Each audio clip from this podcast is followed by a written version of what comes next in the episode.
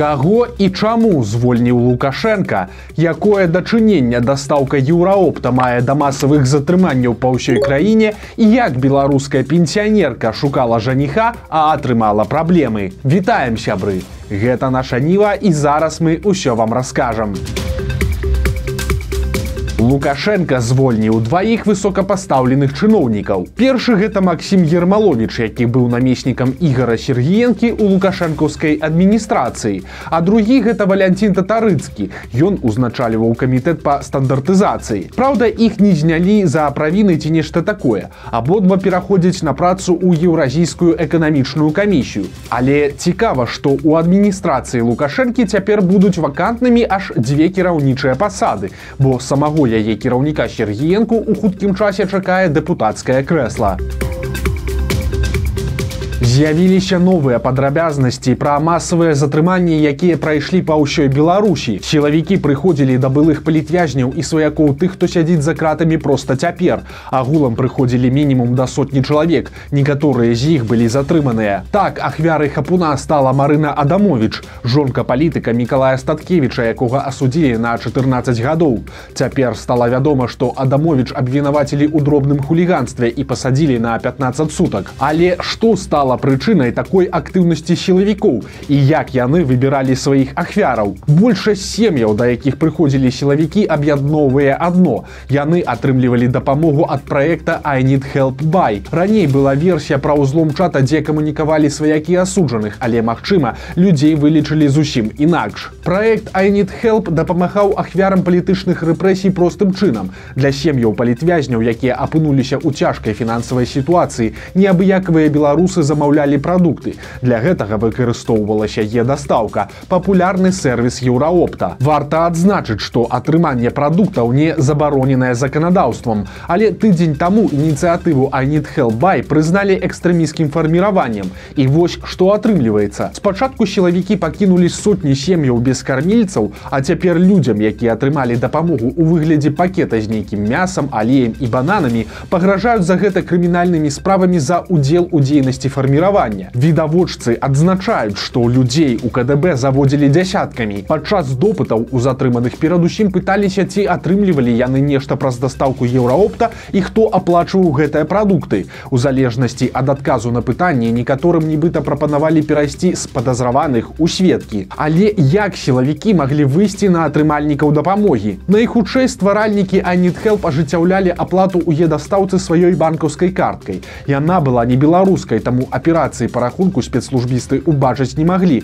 Але з тэхнічнага пункту гледжання зусім не складана вылічыць тыя сотні ці тысячы замоваў, зробленых з аднаго аккаунта і аформленых па адрасах пражывання сем'яў палітвязняў. Такая аперацыя магла праводзіцца як праз запыт у еўраопт, так і праз банкаўскія механізмы. Вынік ужо вядомы і для чаго гэта робіцца таксама зразумела. Пасля два -го года любая незалежная ад дзяржавы актыўнасць і любая салідарнасць вельмі палохае і вельмі злуе ўладу. Да таго ж за апошнія гады стала зразумела. Лукашэнкаўцам мала проста пасадзіць чалавека за краты. На іх думку палітычнага вязня і яго блізкіх трэба пастаянна катаваць любымі магчымымі метадамі. Адпраўляць у шыза, не даваць нармальную перапіску, прыходзіць ператрусамі і забараняць любую дапамогу. На думку Лукашэнкі яго прыхільнікаў і сілавікоў ім сёння дазволена калі не ўсё то многае, а апанент рэжыму яго сям'я мусіць пакутваць, не спынна павінна пастаянна і штодзённа. Па-першае, каб панесці пакаранне за сваё іншадумства, якое лукашэнкаўцы лічаць здрадай, а па-другое, каб адзін такі скалечаны лёс напалохаў дзясяткі і сотні іншых. Вось такая цяпер беларуская нацыянальная ідэя.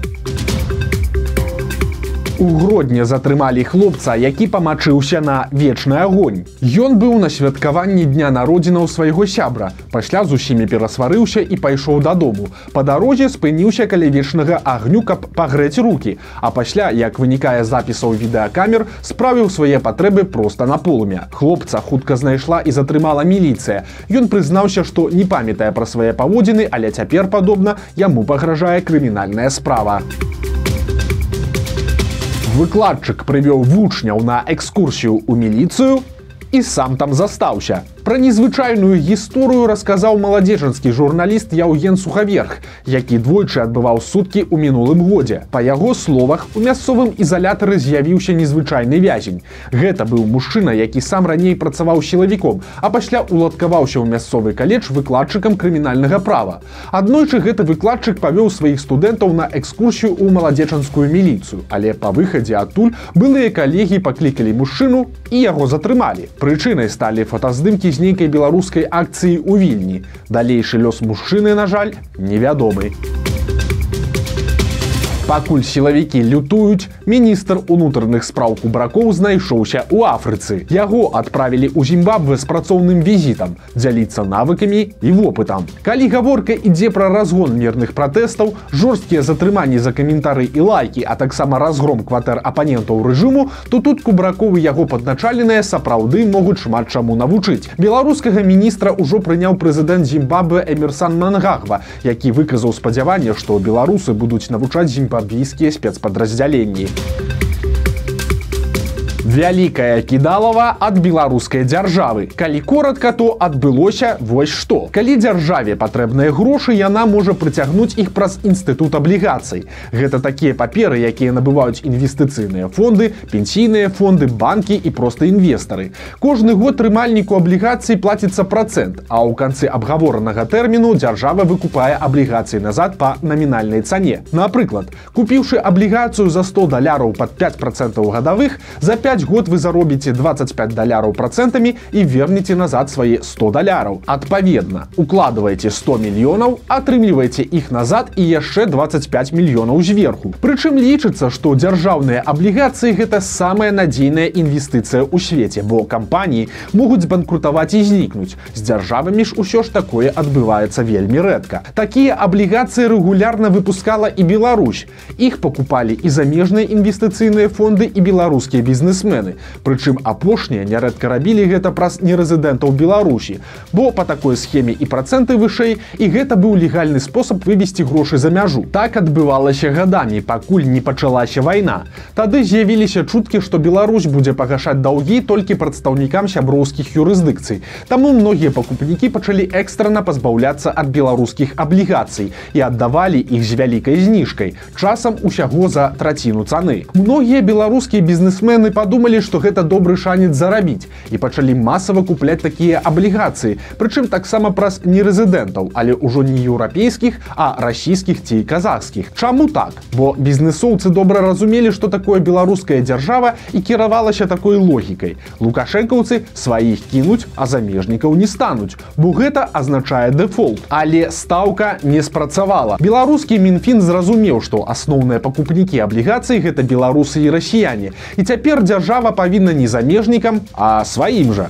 У выніку беларускія чыноўнікі пачалі ўводзіць усё новыя і новыя умовы атрымання грошай. Цяпер адразу некалькі бізнесменаў пацвердзілі нам, што і не атрымліваюць выплат і не могуць дабіцца пагашэння аблігацый. У мінфіне іх проста адфутболіваюць. У кожным такім выпадку гаворка ідзе пра сотні тысяч даляраў. І яшчэ такі момант. Не сакрэт, што многіх буйных бізнесменаў за апошнія гады вельмі моцна пастрыглі штрафамі. І яны ўбачылі ў аблігацыях спосаб атрымаць ад дзяржавы своеасаблівую кампенсацыю, але ж не выйшла. У выніку дзяржава проста кінула іх яшчэ раз. І вось што яшчэ адметна кінутымі аказаліся і расіяне. Некаторыя з іх цяпер спрабуюць судзіцца з беларускім мінфінам, але адзіны чалавек, якому удалося забраць грошы, гэта набліжаны да Пуціна расійскі бізнесовец Константин Миколаю. Як ён гэта зрабіў дакладна невядома, але у банкаўскіх колах разлік з мікалаевым лічыцца фактам. Астатнія ж засталіся ні з чым под мінскам загінула. Целая сям'я прычына сумная і на жаль традыцыйная. Бабуля яе немалады сын і дарослы унук у траіх выпівалі ў сваёй хаце і напіліся так што просто пазасыналі у тым жа пакоі дзе і куралесілі. Праз нейкі час суседзі заўважылі што з вакна хаты ідзе дым. Выклікалі ратавальнікаў але было ўжо позна. У пажары загінулі усе трое адна з версій здарэння неасцярожнасць пры курэнні. у Жанчына замест інвестыцый і вяселля атрымала гора. Адразу две трагікамічныя гісторыі. Жодзінская пенсіянерка пазнаёмілася ў інтэрнэце з мужчынам, які назваўся амерыканцам.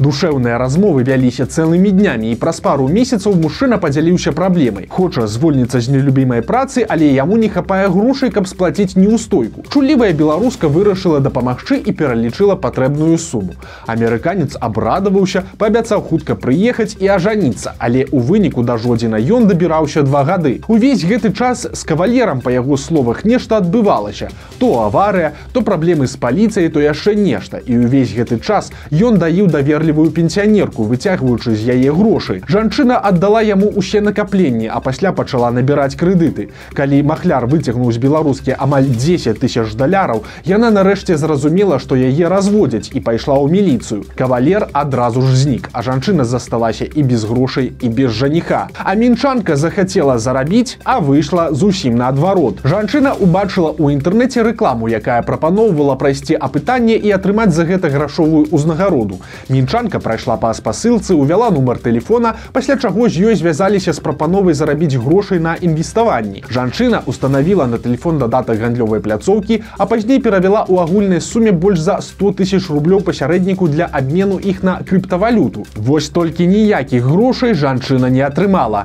Яе рахунак быў адразу ж заблакаваны. Цяпер у справе спрабуе разабрацца міліцыя.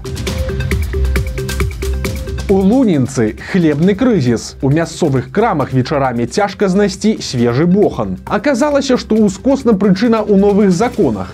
Цяпер на рэспубліканскім узроўні забаранілі перапрацоўку чэрствага хлеба. Таму хлебазавод сапраўды перастаў забіраць яго з крамаў. І каб не займацца утылізацыяй самім, крамы проста сталі замаўляць меншую колькасць хлеба, але пакуль што хапае, як бачым, не ўсім. Ну і напрыканцы наша любимая рубрика без каментароў. Бабруйская рэклама шаурмы разарвала інтэрнэт. Крынж гэта альбо геніяльны маркетинг вырашайце самі.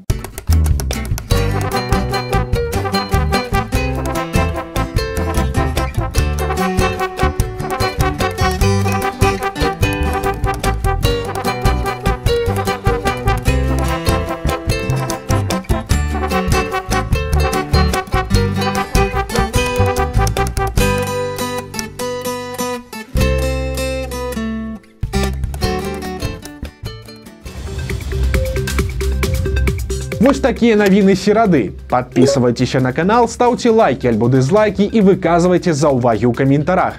І канешне, чытайце нашу ніву, глядзіце нашу ніву і любіце Беларусь. Да сустрэчы заўтра.